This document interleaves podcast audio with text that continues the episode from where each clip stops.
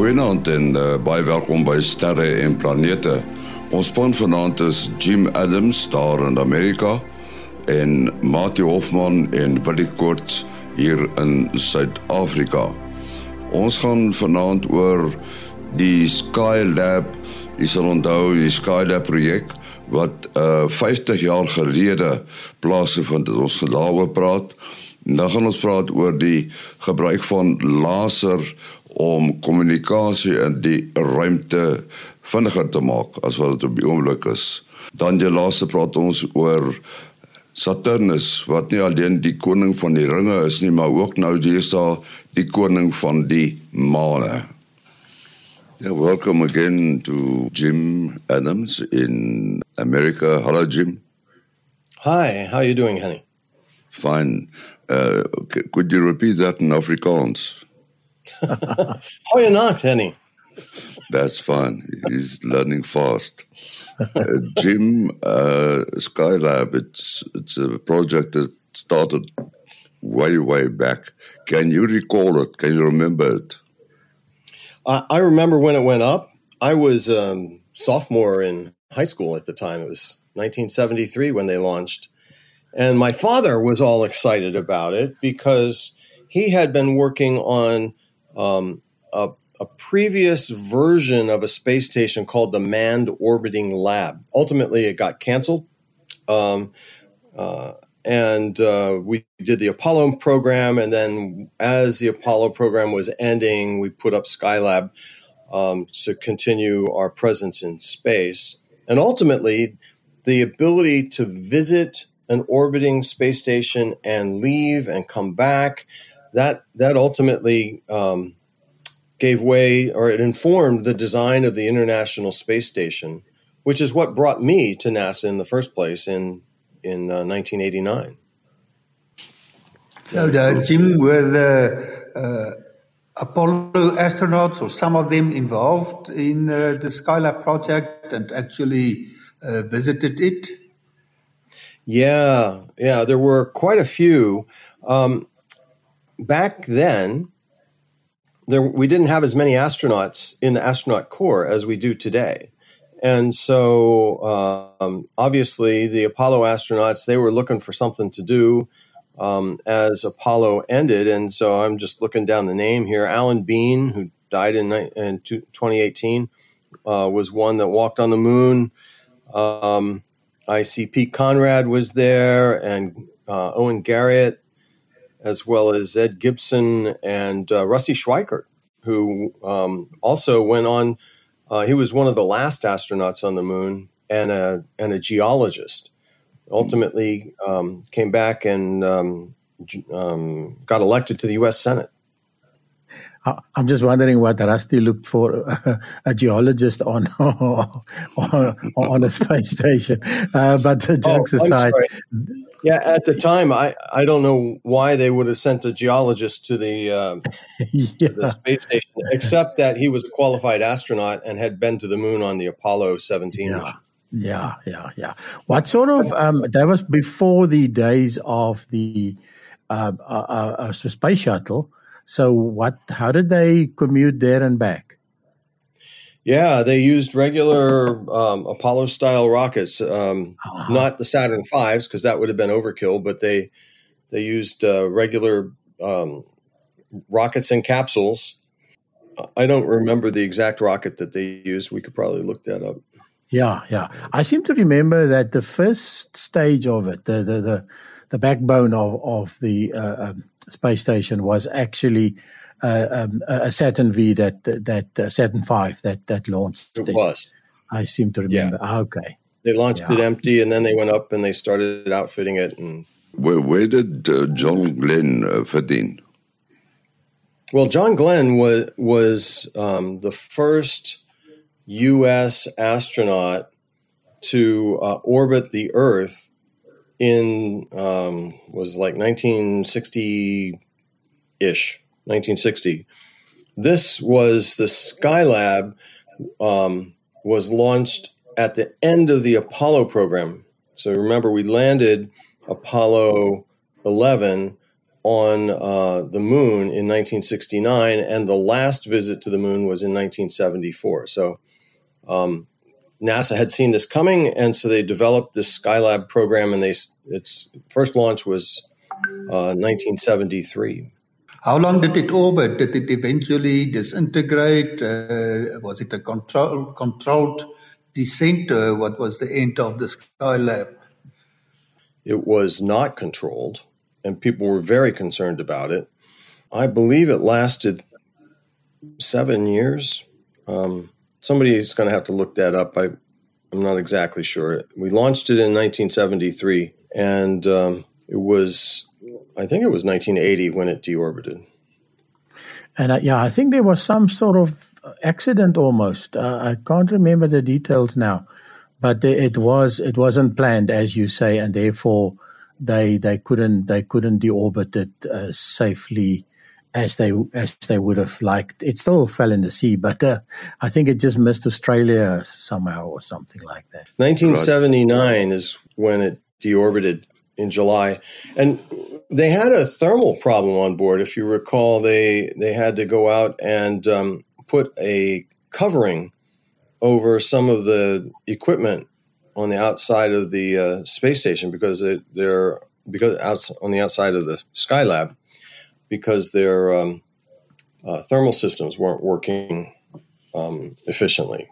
Yes, and I think those were uh, one of the first ever EVAs, as it's called, elect extravehicular activity or, or spacewalk in, in the in the in the normal way. Well, yeah. wasn't wasn't the first because we demonstrated spacewalks uh, for the Apollo program, and of course the oh, okay. astronauts walked on the moon, right?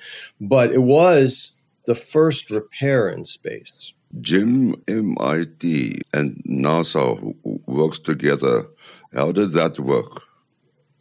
Uh, you're, so you're, I believe you're referring to the laser communications. Yes, yes that's it. Uh, Where does the MIT fit in? Because we know JPL. Yeah, yeah. So the the United States has a series of national laboratories, and MIT hosts a few of them uh, one of which is Lincoln Laboratories. And uh, so Lincoln Laboratories worked with us on the LADEE mission, which went to the moon, to build um, the LADEE Laser Communications Demonstration, LLCD. And that demonstration broadcast data from the moon back to the Earth at 600 megabits per second, which is really fast uh, compared to radio communication signals. And with lasers, you can get up to 100 times more data uh, throughput than you can with um, standard S band radio. So we were interested in, with uh, LADEE in demonstrating that we could send data back from the moon. And uh, it turned out that MIT Lincoln Labs had been developing this um, laser communication system, extremely efficient. And so we did that in, um, goodness, had to have been 2013. And then, uh, and then just recently, they did a, a, a demonstration of um, laser communications in Earth orbit, and um, it was uh, it was extremely successful. And they they got uh, something like uh, 1.2 gigabits transfer in terms of uh, of the data rate. Uh, so so NASA continues to try and demonstrate the use of um, lasers to eventually replace radio communication. Mm-hmm. There's a lot of problems associated with it still, uh, technical problems still to conquer but they've demonstrated the proof of concept, and that's a, that's a really amazing thing.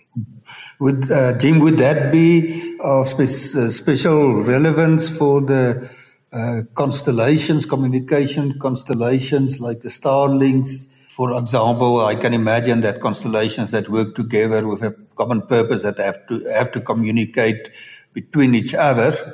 Uh, will that be specifically relevant for that? And then uh, just another question also, uh, what uh, is the optimal wavelength uh, for laser communication? Uh, well, the LADEE mission, I'll, I'll try and get to the wavelength first. The LADEE mission used um, an infrared laser. And frankly, I'm not exactly sure what uh, wavelength MIT used on um, on this particular demonstration, though I suspect it's it was probably infrared because they had already done it at the moon, so they would just use the same laser. Uh, what would the range of a laser beam be?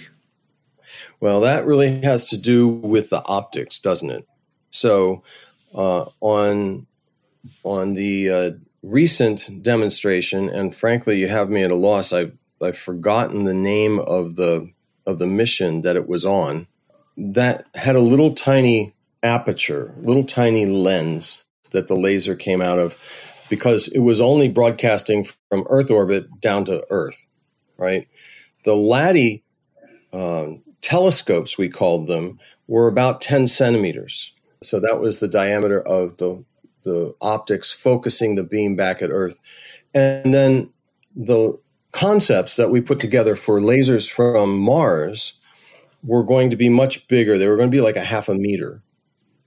The, the problem is that as you get further and further away, not only does the intensity of the light get less, just like it does with radio waves, so you have to make the optics bigger, but also those laser beams, because so they're so the beam is so tight, it's highly focused, and any little disturbance on board the spacecraft will shake the beam, and you could shake it off of the receiver.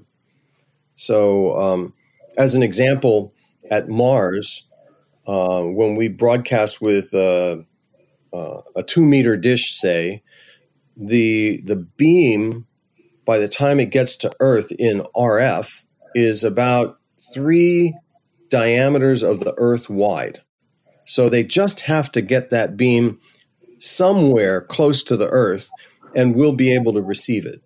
The beam of the equivalent communications payload from Mars to Earth would be just about the width of a US state or a South African province. And so you can imagine a little shake on board the spacecraft, and you um, you would create a huge disturbance uh, at Earth distance, and um, you could actually move the beam off of the receiver. So, a lot of technology to support laser communications is still needed. Stabilization, ways to assure that we maintain lock, um, coding, uh, error uh, reduction, that sort of thing. And it's all stuff that still needs to be uh, worked on. Just correct me if I'm wrong. Wasn't the late Louis Balancer involved in the laser ranging project at HartRAO? That's that's correct. Yes, yes, yes. You, Louis. Um, Louis was part of that um, at HartRAO.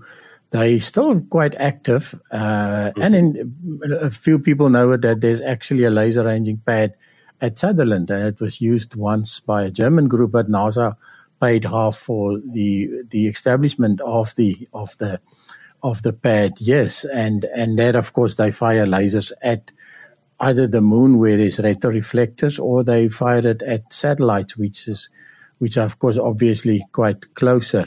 I, I was just looking at this extensive uh, Wikipedia page on, on laser communication and it actually goes back as far as 1990 where Surveyor 7 was uh, experimenting with argon lasers to Kitt Peak National Observatory.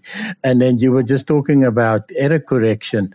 Uh, I see here in in the uh, in 2013, the Lunar uh, Re- uh, Reconnaissance Orbiter uh, was um, w- was experimenting with with, um, with lasers and communications, and they used the the same technology used on CDs. Uh, so, as people may know, CD has actually got about a four times extra data on it for which you can correct uh, for all the errors. So you can put quite a bad scratch in a CD, and it still, still mm. plays uh, uh, flawlessly because of all these error, error correction codes that they're using, and uh, because of course lasers get influenced by the atmosphere if you speak down to the earth. Um, so they have to clouds and stuff will will actually uh, uh, um, interfere with with with that. Jim, what is the difference between green and uh, red laser? Well, it's the wavelength, obviously. Um, they're both light, and they both can you can put information on both, but some wavelengths penetrate our atmosphere better than other wavelengths. Uh, we choose the laser that we're using based upon where the signal is going to go. If it's in free space, we choose the most efficient uh, wavelength. If we are broadcasting from, say, Earth orbit down to the ground, then we want something that will be less attenuated by the Earth's atmosphere. Yeah, I can imagine that uh, a blue laser will not work that well through the atmosphere because the blue light is scattered much more effectively, and that's why the sky is blue, while a more reddish or infrared uh, laser will go much further. Uh, and yeah. Have less attenuation with distance as it goes through the atmosphere. When I was a much younger man, Mati, I uh, I was involved in a uh, project to develop a blue green laser. Um, this was before there was such a thing as a solid state laser. You know, um, back then mm. you would put a gas in a tube and you'd um, you'd run a electrical charge from one end of the tube to the other it would glow and then you would focus that beam and that would give you a laser beam and um, blue green was like impossible to make um, back then. But it had it turns out that seawater had a particular optical window that if we could hit this blue green wavelength, we could actually send a signal to a submarine. And hmm. so we were working on that. And then ultimately, it all stopped because suddenly a group in Japan was able to make a blue solid state laser. So in, instead of having to put on board this huge, I think we were making, um, well, we were making X-ray uh, X-rays and then turning them into blue green by running them through a doubler. So it was uh, it was enormous. It was power consuming, and then ultimately somebody shows up with this little chip and says, "Here, we can use this." So it's just how technology evolves quickly. Yes, I think when uh, people think of laser beams uh, nowadays, when they when there's a star party, you know, some people use yeah. these green beams to point to mm-hmm. an object. So the green is quite effective for that. Yeah, because you can yeah. see it in the night sky. It reflects off the air, and you can see it. You know, bounces back into your eye. Yeah, and also your eye your eyes response peak at, at, at green roughly. And as you say, it, it gets scattered quite nicely, so you can see the beam quite effectively.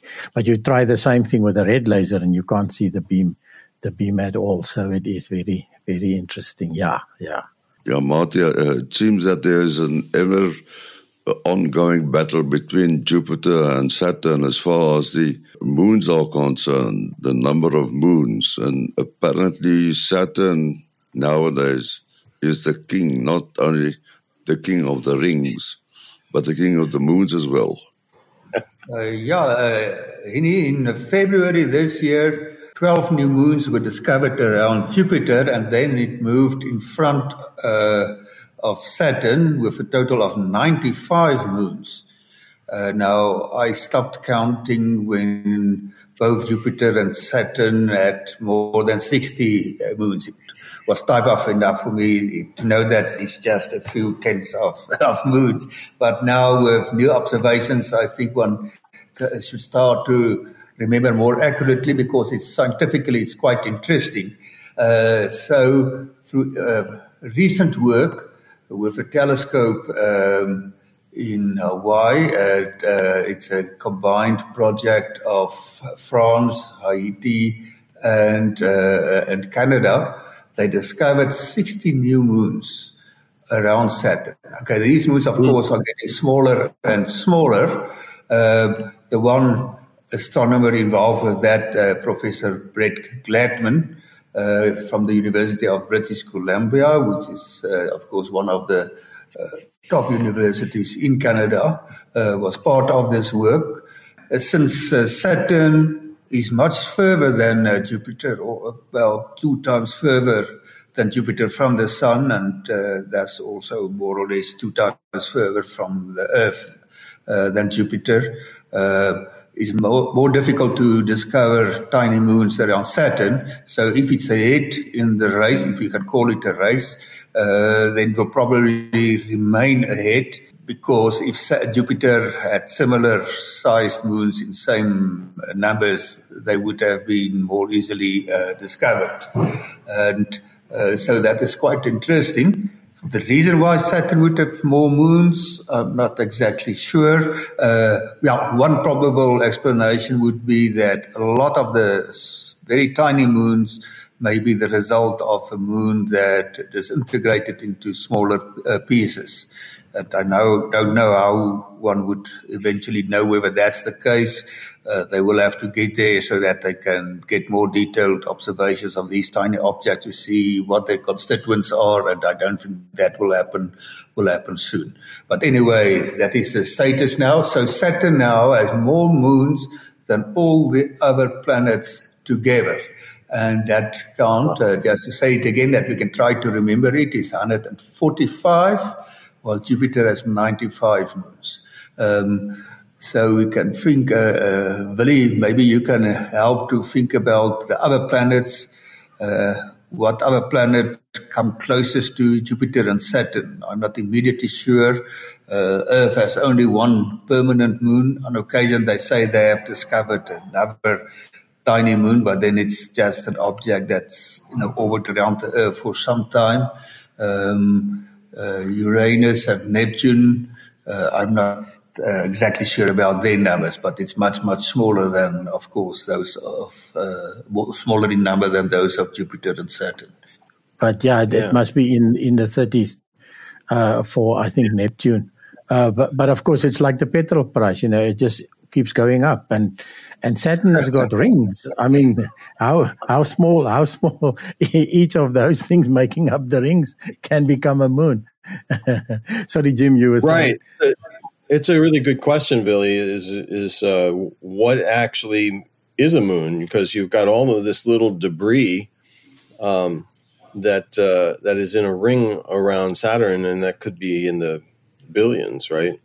But with that many moons at Saturn, you said 145.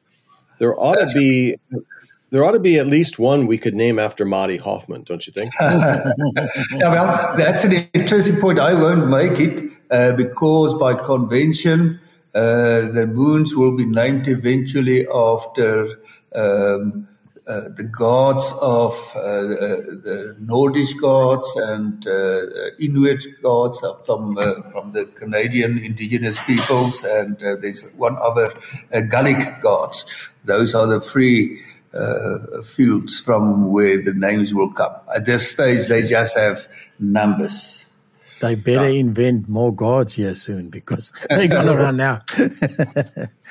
now they have a similar problem with the uh, uh, the moons. Uh, what do they call them? That um, uh, that's in front and behind the orbit of, of Jupiter in the oh, same oh, orbit. Trojans. Trojans. Trojans. Uh, the yeah. Trojans, yeah, they are. They are called after uh, Greek war heroes, but they are no longer enough war heroes, so they will start. They decided that they will also accept uh, uh, names from Greek athletes, famous athletes in history. So that's interesting. Uh, just a note before we close off that uh, is that RSG is getting its own Facebook page. And that means that our Facebook group, the so called RSG Sterre in Planete, will cease to exist. But the group will still carry on under a new name. And the new name is Henny Maas in sy ruimtespan. Henny Maas in sy ruimtespan. And Jim, uh, that's where people will be able to find you. Yeah, right. And now I have to learn how to say that in Afrikaans. yeah. yeah. Well, so we are now members of a space team. Uh, uh, Jim, I feel quite proud of that. Yeah. what are your uh, particulars? Yeah, well, the listeners are also part of our space team and the members of the Facebook page. Yeah. Uh, telefoon WhatsApp uh, verkieslik 072 45 79208 Dan Mati. 0836257154 0836257154 En onthou ons uh, e-posadres sterreplanete@gmail.com sterreplanete@gmail.com Tot volgende week. Alles van die beste.